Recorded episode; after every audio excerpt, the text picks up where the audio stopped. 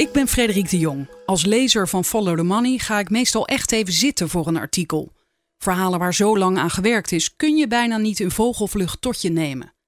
Het liefste zou ik willen dat de redacteur naast me zat om uitleg te geven. En dat is nu het geval. Spreek hem eens in. Frederik vraagt door. De podcast van Follow the Money. I know you're gonna dig this. En deze podcast lijkt misschien gratis, maar is niet goedkoop. Het graafwerk van Follow the Money wordt mogelijk gemaakt door betalende leden. Wil je ook lid worden? Dat kan op ftm.nl. Lise Witteman, wat is dat lang geleden? Hi. Hi. Wij gaan praten over jouw laatste nieuwe artikel over arbeidsmigranten en eh, de uitbuiting daarvan. Maar eerst even, want ik heb je maanden niet gezien, uiteraard door corona. En hoe, hoe is het leven, of hoe was het leven als journalist in Brussel tijdens corona? Nou, ik kwam eigenlijk uh, recht uit mijn zwangerschapsverlof gerold in maart toen uh, corona begon. Dus dat was een uh, leuke ontvangst. Hè. Je denkt dat je weer op terrasjes kunt gaan zitten, eindelijk dat glaasje wijn weer kunt drinken. En, en in koffiehuisjes met je bronnen kan gaan spreken. Maar ja, ik zat weer alsnog opgesloten in mijn huis. En ja, het spreken van bronnen moet dan natuurlijk via de telefoon of via allerlei soorten Zoom en weet ik veel wat, Blue Jeans, wat we allemaal voorbij hebben zien komen. Blijkbaar, je, leert een heleboel uh, FaceTime-achtige, videobel-achtige conferenties kennen op deze manier. En overal moet je weer een andere inlog voor hebben. Dus het was een beetje hectisch en ook wel jammer, omdat je dan ja, toch wat minder goed nieuwe contacten kunt opbouwen. Maar de contacten die je al hebt, kan je op zich, uh, daar kan je, ja, die kan je gewoon spreken via de telefoon. Dus dat ging wel. Ja, nu zit je niet in Brussel, maar in Frankrijk. Dus we zitten allebei op afstand. Maar dat uh, heb ik wel vaker gedaan met deze podcast. Dus dat gaat behoorlijk goed met het geluid. Jij hebt samengewerkt met journalisten in heel Europa eigenlijk aan dit artikel en aan dit project. En dat heet The Invisible Workers. En dat gaat dus kennelijk over onzichtbare arbeidsmigranten. Ja, en dat um, kwam nou, een maand of twee, tweeënhalf geleden inmiddels op mijn pad. En eerst dacht ik, oh jee, dit wordt natuurlijk zo'n project dat veel groter wordt dan je had bedoeld. En dat, dat blijkt ook zo. Uh, het geval te zijn, want nu zijn we 2,5 maand later nog steeds ermee bezig. Maar het is wel interessant, want door de coronacrisis uh, hebben we natuurlijk allemaal veel gelezen over arbeidsmigranten die een beetje tussen wal en schip kwamen te zitten. Aan de ene kant waren ze hard nodig om onze voedselvoorziening in stand te houden. Aan de andere kant moesten ook zij natuurlijk beschermd worden. En dat ging nogal eens mis. Hè. We hebben veel gelezen over de slachthuizen, maar ook in de tuinkasten waar het toch moeilijk uh, afstand houden was. En dit project beoogde om eigenlijk een beeld te krijgen van hoe het nou in heel Europa is gesteld met die arbeidsmigranten. En waarom die er toch keer op keer zo bekijkt vanaf komen. Terwijl het toch om zo'n vitale uh, branche gaat. Hè? Onze voedingsindustrie, daar willen we toch allemaal dat die goed functioneert. Dus hoe kan het dan dat we zeg maar essentiële elementen, de mensen die dat moeten verzorgen, daar niet zo goed voor zorgen? Dat was eigenlijk de vraag, het uitgangspunt waarmee we als een groep journalisten, er zitten journalisten bij van het Duitse Der Spiegel en van het Britse The Guardian en uh, Lighthouse Reports was de, dat is een collectief dat, dat dit allemaal heeft georganiseerd. Uh, met z'n allen hebben we besloten om hier naar te gaan kijken. Ook nog omdat er zoveel landbouwgeld vanuit Europa naar deze branche gaat, dat je toch eigenlijk zou zeggen, dan moeten we er toch ook voor zorgen dat die mensen toch onder redelijke omstandigheden hun werk kunnen verrichten. Maar op zich zijn die arbeidsomstandigheden al veel langer slecht eigenlijk? Of zijn ze dan tijdens corona nog slechter geworden? Nee hoor, dit is inderdaad uh, dit is, dit is een momentopname van een, een, een, probleem dat al decennia natuurlijk misschien wel langer heerst. Uh, corona heeft het wel op scherp gezet, omdat het daardoor voor een vrij groot publiek ook zichtbaar werd. Hè. Iedereen verbaasde zich toch wel een beetje over dat er nog vliegtuigen vol arbeidsmigranten op Eindhoven Airport landen om hier te gaan werken, terwijl wij allemaal achter onze deur ons moesten verschansen. En dat heeft er veel aandacht voor gevraagd. En bovendien maakte de coronacrisis natuurlijk het werk niet makkelijker. Weet je? Het is niet makkelijk om afstand te houden in, in, in een tuinkas of uh, in een slachterij. Dus ja, dat, dat wierp wel extra licht op de, op de hele problematiek. En hoe hebben jullie die werkverdeling gedaan? Hoe gaat zo'n project in zijn werk? Ja, goede vraag. De uh, journalisten van Lighthouse Reports zijn gespecialiseerd in open source. Dat wil zeggen dat zij heel goed weten, als je kijkt naar social media en zo, hoe je uh, daarin informatie kunt opsporen. Bijvoorbeeld arbeidsmigranten, Poolse arbeidsmigranten, die ergens in een of andere, op een of ander forum klagen over een werkgever. Dus op die manier en gewoon door ouderwets journalistiek handwerk hebben we ieder in ons eigen land, want we hadden Spanjaarden, we hadden Italianen, we hadden Grieken, Fransen, allemaal betrokken. Gingen we kijken uh, waar zijn nou problemen? Waar zijn nou bedrijven die zich uh, niet goed aan de regels houden? Waar uh, zien wij dat er dingen misgaan, terwijl de arbeidsinspectie van niks weet, omdat die ook door corona ook niet zoveel kan verrichten momenteel. Dus dat is een van de dingen die wij dan uh, ieder voor ons hebben uitgezocht. We hebben ook vanuit Brussel natuurlijk gekeken wat zijn nou de Europese regels waaraan bedrijven zich dienen te houden. Zeker bedrijven die ook subsidies ontvangen natuurlijk. En we hebben ieder voor ons eigen land gekeken. Waarom gaat het nou specifiek hier mis, in deze sector of bij dit bedrijf? Zijn er dan toch regels die niet uh, helemaal goed dichtgeregeld zijn. Dus het is aan de ene kant ging ieder voor zich in zijn eigen land kijken. Aan de andere kant keken we naar de, naar de elementen die al die landen met elkaar bond. En dat voegden we samen. En iedereen schreef uiteindelijk voor zijn eigen medium of voor zijn eigen Euronews is ook betrokken. En voor zijn eigen tv-medium. NOS is uiteindelijk nog aangehaakt. Uh, doet dan zijn eigen verslaggeving en die pikt eruit wat hij zelf het meest interessant vindt. Ja, en dan denk je misschien, tenminste de luisteraars, of ik in eerste instantie ook, van oh ja, dat gebeurt allemaal in Zuid-Europa, dat is heel erg. Maar het gebeurt ook gewoon in Nederland. Hè? Want jij, jij begint je artikel met aspergestekers die veel te hard moeten werken. Ja, dat is een van de weinige uh, casussen waar de inspectie hier in Nederland aan een noodklok heeft getrokken. Uh, dat was wel al aan het einde van het aspergeseizoen. En toen bleek dus dat zes weken lang 44 Polen en Roemenen echt waren afgebeuld. Ze hadden elke dag moeten werken, uh, dagen van 8 tot uh, 14 uur. Nou ja, en asperges steken is niet makkelijk lopende bandwerk. Dat is echt wel zwaar fysiek werk. Dus die mensen waren uitgeput. En de inspectie heeft daar toen aan de noodrem getrokken. We hebben achterhaald om welke aspergekweker het gaat. Maar de inspectie heeft dat, geeft dat soort informatie niet prijs. Dus hebben we ook niet gedaan. Maar we hebben wel dus kunnen uitvogelen dat die aspergekweker daadwerkelijk tienduizenden euro's heeft gekregen aan landbouwsubsidie twee jaar geleden. Zonder dat er enige voorwaarde aan is verbonden aan hoe hij met zijn werkers omgaat. En de ironie is, als het gaat over natuurbeheer, als het gaat over dierenwelzijn, dan worden er wel eisen gesteld aan die landbouwsubsidies. Maar voor de werkers is niks geregeld. Ja, dat, dat is toch frappant, zou ik het zo zeggen. Ja, want dat is dus eigenlijk dat dubbele wat je net al aangaf. Dus aan de ene kant worden die, de boeren gesubsidieerd. Dus je zou zeggen, ze hebben uh, voldoende geld. Maar daarvoor huren ze dus niet mensen in waar ze veel geld aan kwijt zijn. Nee, ze kiezen voor de goedkoopste arbeidskrachten. En die laten ze in sommige gevallen ook veel te lang werken, bijvoorbeeld. Ja, en dat zie je dus inderdaad in heel Europa als terugkerend thema. Dat de migranten zijn echt het, het, de laatste post op de balans. Dus daar moet zoveel mogelijk op bezuinigd worden. Vandaar ook dat vaak arbeidsmigranten worden gebruikt. Want hè, die hebben lagere eisen als het gaat om inkomsten. En uh, die stellen ook minder vragen over hun arbeidsomstandigheden. Nou, in het zuiden van Europa zie je inderdaad uh, praktijken die grenzen aan slavernij. Met uh, heel veel illegale werkers, en mensen die op straat moeten slapen, totale uitbuiting en onderbetaling. Maar ja, ook in het noorden, zoals we inderdaad ook hebben gezien met die slachthuizen. Daar zijn de werkomstandigheden en ook de huisvestingen zijn minimaal. Terwijl vaak die huisvesting wel, daar worden hoge bedragen voor gerekend. En ook het vervoer naar de werkplaats. Dus op die manier wordt, worden de migranten op alle mogelijke manieren uitgeknepen.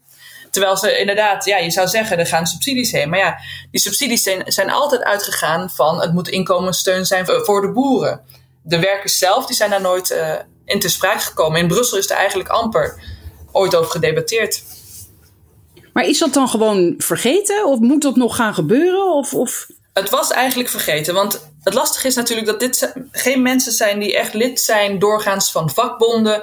Die op Europarlementariërs stemmen, die hen moeten vertegenwoordigen. Dus in die, dat opzicht is het ook een beetje een vergeten groep. Vandaar onze projectnaam Invisible Workers.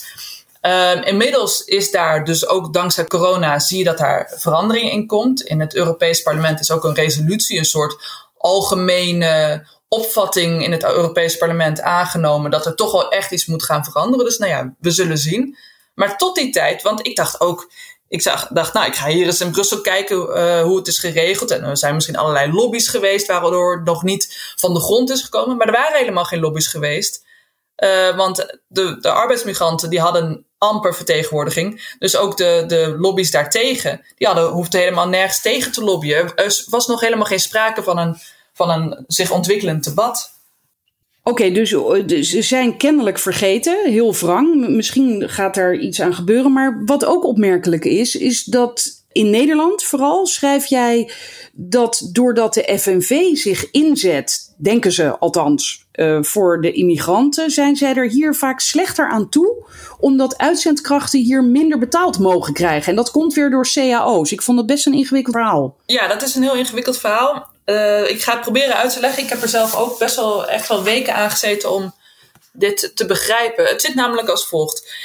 Ik zag dat in Nederland veel meer uitzendbureaus actief zijn in de voedingsindustrie dan in andere landen.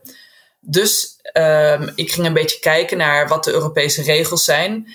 Um, en daaruit bleek dat op zich de Europese regel is dat als je uitzendkrachten inhuurt voor je bedrijf, bijvoorbeeld je bent een tomatenkweker, dan moet je die precies hetzelfde betalen als wanneer je, die, wanneer je iemand direct in dienst had genomen. Dus hè, twee mensen die naast elkaar staan te plukken, de ene een uitzendkracht, de ander direct bij jou in dienst, die moeten gewoon hetzelfde betaald worden. Dus die zouden even duur moeten zijn.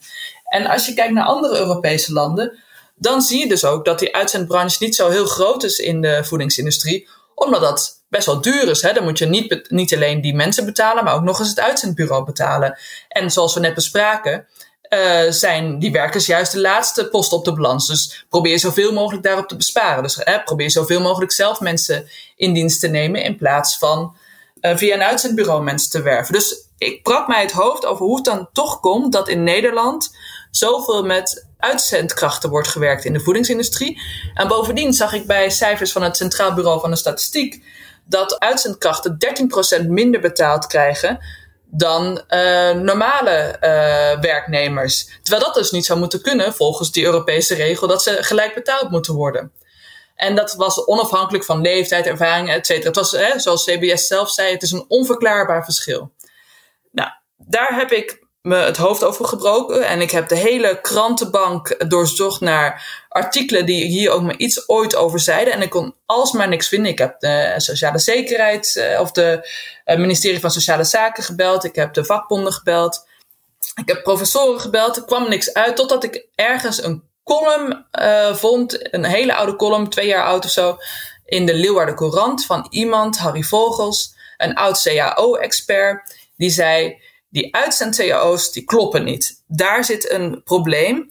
En daardoor zijn uitzendkrachten uh, goedkoper. Nou, wat blijkt?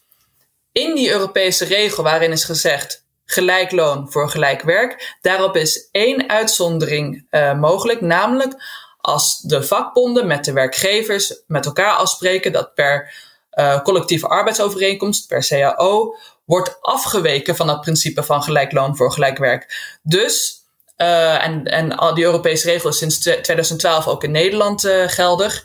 Dus als je zegt, wij zeggen de, de regel is wel gelijk loon voor gelijk werk, maar dat geldt niet bijvoorbeeld voor de verlofdagen of bepaalde uh, reiskostenvergoeding of andere zaken, dan, dan kunnen we daar wel een beetje mee marchanderen. En in de uitzend-CAO, dus de CAO die geldt voor de uitzendbranche, is dus afgeweken ten negatieve van het principe van gelijk loon voor gelijk werk. Kortom, uitzendkrachten zijn op bepaalde punten goedkoper gemaakt dan normale werknemers. Dus die tomatenkweker in die kas, die aan de ene kant, uh, die gewoon rechtstreeks in dienst is bij de tomatenkweker, die werker, die krijgt volgens de tuinbouw-CAO eh, betaald. Die, zijn collega die daarnaast staat te werken en die dus onder de uitzend-CAO valt, omdat hij een uitzendkracht is, die krijgt via de uitzend-CAO betaald alleen minder. Die kost minder. En dat is waarom zo'n tomatenkweker natuurlijk denkt: ik ga met uitzendkrachten werken, want dat is goedkoper. Dus daar zit een soort maas in de wet of een soort uitzonderingsregel, uh,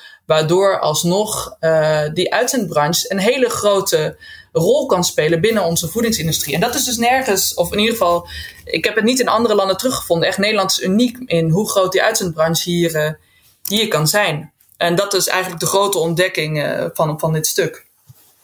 En toen je toen daarna dan weer de FNV belde en zei: Ik heb het gevonden, ik ben erachter. Het komt doordat jullie dit zo onderhandeld hebben. Neem, mag ik aannemen dat ze wel een beetje schrokken? Of? Ja, dat waren wat ongemakkelijke uh, gesprekken. Overigens sprak ik iemand van de CNV, een andere vakbond, Henri Stroek.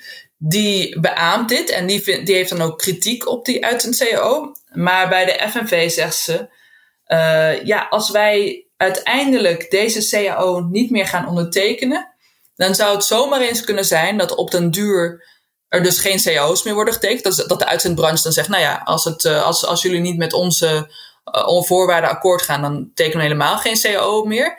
En dat, de, dat dan de consequentie kan zijn dat uitzendkrachten dus duurder worden, want dan moet die tomatenkweker voor een uitzendkracht evenveel gaan betalen als voor een gewone werknemer. Nou, dan gaat die tomatenkweker natuurlijk niet meer met die uitzendkrachten werken. En wellicht dat die uitzendbranche dan niet meer groeit of zelfs kleiner wordt. Maar wat krijg je dan, zegt de FNV? Dan krijg je weer andere putjes van de arbeidsmarkt, zoals nou, contracting noemen ze dan. En dat is dat er überhaupt geen, uh, geen uh, arbeidsvoorwaarden meer worden gesteld. Dat alles gewoon wettelijk minimumloon en, en, en dat ja, ja, contracting, zal ik dat nog helemaal gaan uitleggen? Dat is dus eigenlijk dat een personeelsbedrijf, dat zendt zijn personeel bijvoorbeeld naar die tomatenkweker. Dat stuurt zijn eigen voormannetje mee, zodat ze officieel onder dat voormannetje die leiding blijven bestaan en dus ook onder het uh, personeelsbedrijf.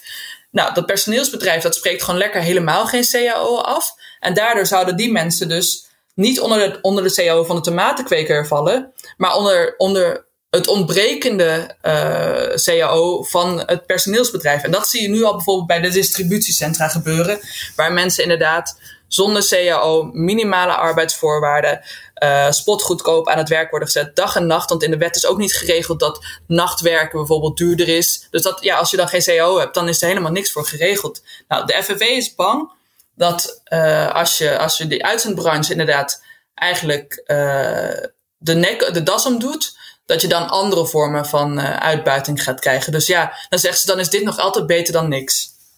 Ja, dus een beetje kiezen tussen twee kwaden bijna. Ja, daar, daar komt het eigenlijk wel op neer. En, en daarmee zeggen ze kennelijk ook van ja, beter dan dit gaat het gewoon niet worden. Ja, nou ja, dat is natuurlijk moeilijk te, te betwisten. Hè. Dit is, die CVV-man denkt dus van nou, voorlopig uh, kunnen we misschien toch wel hardere eisen stellen. De FNV is daar dus wat meer beducht voor. Wat ook zou kunnen meespelen is dat als het CNV die cao's niet meer gaat ondertekenen, dat dan misschien een andere, slechtere vakbond uh, met nog slechtere voorwaarden akkoord gaat. Want het gekke is dat iedere vakbond mag met de hele uitzendbranche een akkoord sluiten namens alle werkers. Dus als, als jij morgen een vakbond opricht en jij sluit met de uitzendbranche uh, een akkoord over de arbeidsvoorwaarden, dan kunnen ze zeggen, oké, okay, dan is vanaf nu is dat uh, voor iedereen geldig. En dat is ook zo'n rare regeling die ooit is bedacht om, uh, om juist te zorgen dat werknemers vrij snel door een vakbond beschermd waren, maar in dit geval net weer lullig uitpakt. Ja, en over wat voor zaken hebben we het dan in de praktijk? Uh, hoe, hoeveel verdienen die mensen gemiddeld? De, de, nou, dat gaat meestal om een tientje per uur. Dat, dat is ongeveer minimumloon.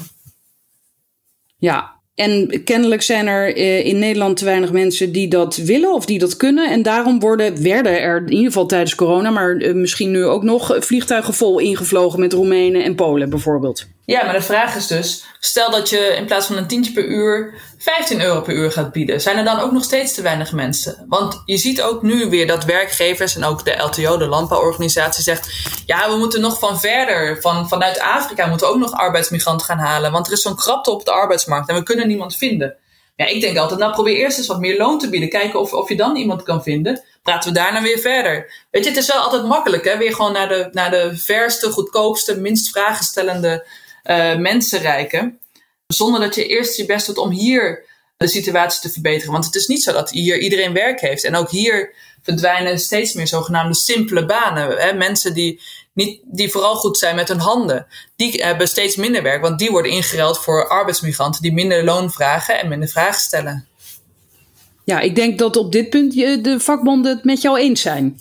Nou ja, zij zeggen arbeidsmigranten zijn van harte welkom natuurlijk. Maar uh, ja, laten we eerst eens even kijken, zolang, zolang de omstandigheden zoals nu zijn, of we niet daar iets aan kunnen verbeteren. En dan zien we dan wel of, het, of, die, of die arbeidskrapte nog steeds zo uh, prangend is. In je artikel heb jij het ook over een Europese werknemer, uh, uh, ja, werknemersorganisatie, EFAT, die, uh, zoals jij schrijft, zich als een van de weinigen het vuur uit de sloffen loopt voor de werkers in de velden. En toen dacht ik als lezer van, oh fijn, er is een lichtpuntje, maar dan schrijf jij dit clubje idealisten is pakweg tien man sterk. En die poogt het al jaren op te nemen voor de ongeveer 4 miljoen mensen die volgens, volgens hen in Europa getroffen worden door illegale tewerkstelling. Hoe, hoe kan het dat daar, uh, ja, dat dat clubje zo klein is? Ja, dat heeft dus te maken met, met die arbeidsmigranten die zelden natuurlijk lid zijn van een vakbond of hè, die zich niet goed verenigen. Uh, zeker als ze via uitzendbureaus of detacheringsbureaus werken, dan ja, ze weten vaak niet eens waar ze naartoe uitgezonden worden, wat hun arbeidsvoorwaarden zijn, bij wie ze moeten aankloppen, wie überhaupt hun werkgever is. Is het nu het bedrijf of het uitzendbureau? Dus ja, als mensen zich zo slecht verenigen, uh, zich moeilijk uitspreken, de taal niet uh, spreken, dan is het moeilijk om dat soort geluiden allemaal naar Brussel te krijgen. En zij betalen natuurlijk ook geen lidmaatschapsgeld ergens voor. Dus ja, wie, wie gaat het dan voor hen opnemen? Nou ja, dat zijn dus deze, deze tien mensen. Maar het, het is gewoon nogal lastig jezelf te verenigen als je amper weet uh, wat je eigen status is. En dat, dat geldt voor die arbeidsmigranten. En zeker de illegale arbeidsmigranten die in het zuiden werkzaam zijn. Ja, die gaan natuurlijk niet bij illegale of bij officiële instanties aankloppen om te zeggen: ja, ik ben hier illegaal te werk gesteld, kunt u iets voor me doen? Nee, Nee, maar ik zou me zo kunnen voorstellen dat bijvoorbeeld Brussel, nu ze inzien uh, dat, ja, dat, dat we, de werknemers, eigenlijk een beetje vergeten zijn, dat ze dan zouden zeggen: Nou, we gaan bijvoorbeeld die organisatie EFAT uh, wat extra geld geven, zodat zij meer mensen kunnen recruteren die uh, op zoek gaan naar die mensen die geen weet hebben van vakbonden, maar die daar dan wel mee in aanraking kunnen komen. Ja, dat zou mooi zijn. maar dat zou slechts een begin zijn, natuurlijk. Um, wat nog mooier zou zijn, is als er een Europese arbeidsinspectie is die echt wat meer tanden krijgt. Of die wat beter toezicht houdt op hoe de arbeidsinspecties in de verschillende landen opereren. Bijvoorbeeld in Griekenland, waar de omstandigheden in de aardbeienvelden echt minimaal zijn. Daar is de arbeidsinspectie gewoon niet actief. Terwijl wel volgens Europese regels er dingen gedaan zouden moeten worden. Als daar nou hogere eisen aan werden gesteld, beter toezicht op werd gehouden, dan zouden we al een heel stuk verder zijn. Maar dit zijn, hè, juist zo'n arbeidsinspectie is juist nog uh, vooral, valt het onder de taken van een lidstaat zelf en niet echt een Brusselse taak. Waardoor landen daar makkelijk mee wegkomen als ze die functies niet goed uitvoeren. En nog even terug naar het begin. Je vertelde over die open source. Is dat ook de manier bijvoorbeeld waarop jij die Poolse vrouw die je opvoert in je artikel hebt kunnen vinden? Die vertelt over de werkomstandigheden die zij trof in Nederland. Nou, die hebben we mede met hulp van een zogenaamde fixer. Dat is, uh, we herkennen hier een uh, Poolse professor, Iwona Gusk. Ik hoop dat ik het goed uitspreek, vast niet. Zij is in Nederland werkzaam als, als professor aan de universiteit. En zij heeft geholpen met op die sociale media het zoeken naar uh, arbeidsmigranten die uh, commentaar leveren. En uh, natuurlijk vertaalklussen, want ja, ik spreek geen Pools. Dus zij heeft uiteindelijk ook deze vrouw gevonden. Ergens volgens mij op Facebook had ze iets gezegd. Ehm, dus ja, deels open source en deels via een zogenaamde fixer. Ja, en wat vertelt deze vrouw? Ja, dit gaat over Carolina. Zij is 26 jaar. Zij werkt, alsof zij heeft in juni een aantal weken gewerkt bij een uh, bedrijf in de buurt van Waddingsveen. Dat heet IQ Packing BV. Dat is een uh, groente- en fruitsorteerde en verpakkingsbedrijf. Zij was daar aan het werk via Blue Job Center. Dat is een uitzendbureau. Nou, zij vertelde eigenlijk hoe haar, uh, hoe haar dagen eruit zagen. Ze, ze, ze sliep op een bungalow-terrein. een bungalowpark. daar, kreeg ze, daar kreeg ze dan een slaapplek samen met anderen in van die huisjes. Daar betaalde ze 94 euro per week voor. En dan werd ze met een soort touringcar naar haar werkplek uh, vervoerd. Dat kostte dan 6 euro per dag. Nou, dat is voor die mensen veel geld. Hè? Als je maar een tientje per uur verdient, dan tikt dat lekker aan. En uh, op die werkvloer, uh, dat, sorteer, dat fruitsorteercentrum, merkten ze dat er, nou, om te beginnen waren er niet echt coronaproof maatregelen, want in de kleedkamers werd geen afstand gehouden. Ze moesten hun idee bewijzen, afgeven en weer ophalen, terwijl ze dicht op elkaar stonden. En bovendien mag je eigenlijk helemaal niet als werkgever iemands ideebewijs uh, innemen. En er waren dan Poolse coördinatoren, hè, die dan de, de, eigenlijk soort van de chefs, de supervisors van die werkvloer actief. Die waren van Blue Job Center ook. Die dan die, uh, die uitzendkrachten een beetje op weg hielpen. En nou ja, de, de, de, de beledigingen uh, die, die zij naar de hoofden van die werkers uh, slingeren, nou, die waren niet mals. Ik bedoel, uh, hoer was een veel Ik heb meerdere getuigen hebben daarvan. Hoer was een veelgebruikte uiting. En opjagen, mensen mochten niet rusten. Was heel zwaar teelwerk. mensen vielen zelfs flauw. Zij is zelf ook op een gegeven moment flauw gevallen, maar werden dan gewoon aan een lot overgelaten tot de, tot de werkdag voorbij was het echt, echt praktijk dat je denkt, dat kan toch niet in Nederland? Um, uiteraard hebben we reactie gevraagd aan deze bedrijven. En ze erkennen dat ze niet pro, uh, coronaproof uh, handelden op, op uh, sommige punten. Maar als het gaat over de flautes en de belediging en, de, en, de, en het schelden, zeggen ze dat ze zich daar niet in herkennen. Nou ja, dat is dan hun reactie. Maar we hebben vijf mensen gesproken die dat allemaal wel zo, zo vertellen. Hmm ja, als je dit dan nu weer vertelt, dan denk ik, nou ja, dan zal er toch niet heel snel iets veranderen. Eh, ik, ik denk dat, uh, ja, ik denk dat er nog vaak gewacht van moet worden gemaakt. Maar ja, ik, ik zie ook niet zo snel. Zolang, zolang wij die mensen zien als echt het putje van, van de arbeidsmarkt, dan zal dit zo blijven. Maar je hebt bijvoorbeeld België, zijn behoorlijk uh, striktere regels rond arbeidsuren en uh, arbeidsmarktomstandigheden, waardoor uh, werkkrachten ook duurder zijn. Ja, en als, je dan, als er meer eisen aan worden gesteld, dan worden mensen toch ook beter behandeld. En als je, als je geen financiële incentive uh, hebt om mensen uit te buiten en uit te knijpen, dat helpt al enorm. Dus ik denk dat bijvoorbeeld als in de wet wordt vastgelegd dat nachtwerk beter betaald moet worden dan overdag werken, dan heb je dus al minder een incentive om mensen s'nachts uit te gaan buiten. Zoals in die distributielocaties uh, uh, van bijvoorbeeld bol.com in Nederland. Ik denk dat in dat soort kleine dingen kan al behoorlijk verschil worden gemaakt. En je ziet ook in de Belgische slachthuizen, daar is bijna niks misgegaan. Daar zijn eigenlijk helemaal geen verhalen uitgerold over coronagevallen, besmettingsgevallen, dingen die mis zijn gegaan, omdat er heel veel meer eisen worden gesteld aan de omstandigheden, aan, aan de lonen. Dus er is denk ik wel verbetering vatbaar, maar dan moet je dat wel echt willen en naar dit soort dingen gaan kijken. En niet alleen maar denken, het moet zo goedkoop mogelijk. Want dan zal je altijd krijgen dat mensen als het putje eh, van de samenleving worden behandeld. Ja, en dat geldt natuurlijk ook voor consumenten. Een vriendin van mij die zei laatst uh, dat we moeten stoppen. Met het kopen bijvoorbeeld van uh, gepelde tomaten in blik die te goedkoop zijn. Ze had het over slaafvrije tomaten in blik, die bestaan ook want als je, als, tenminste, als je als eh, consument bereid bent om meer te betalen voor die blikjes, dan kan dat ook helpen, lijkt me.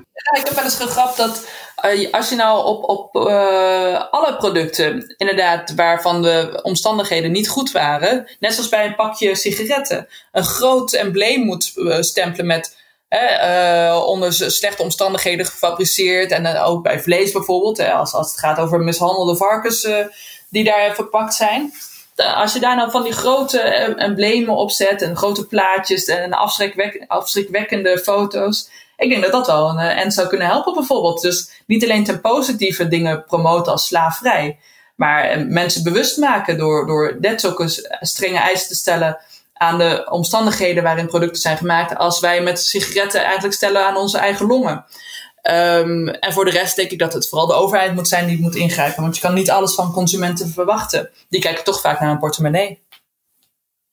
Ja, dit wordt ook allemaal tegelijkertijd gepubliceerd, wat jullie hebben gemaakt? Ja, ja vrijdag 17 juli verschijnen online alle producties die zijn gemaakt. En volgens mij in ieder geval de Spiegel en wij en misschien dat ook het online, online versie van uh, artikelen van The Guardian al komen.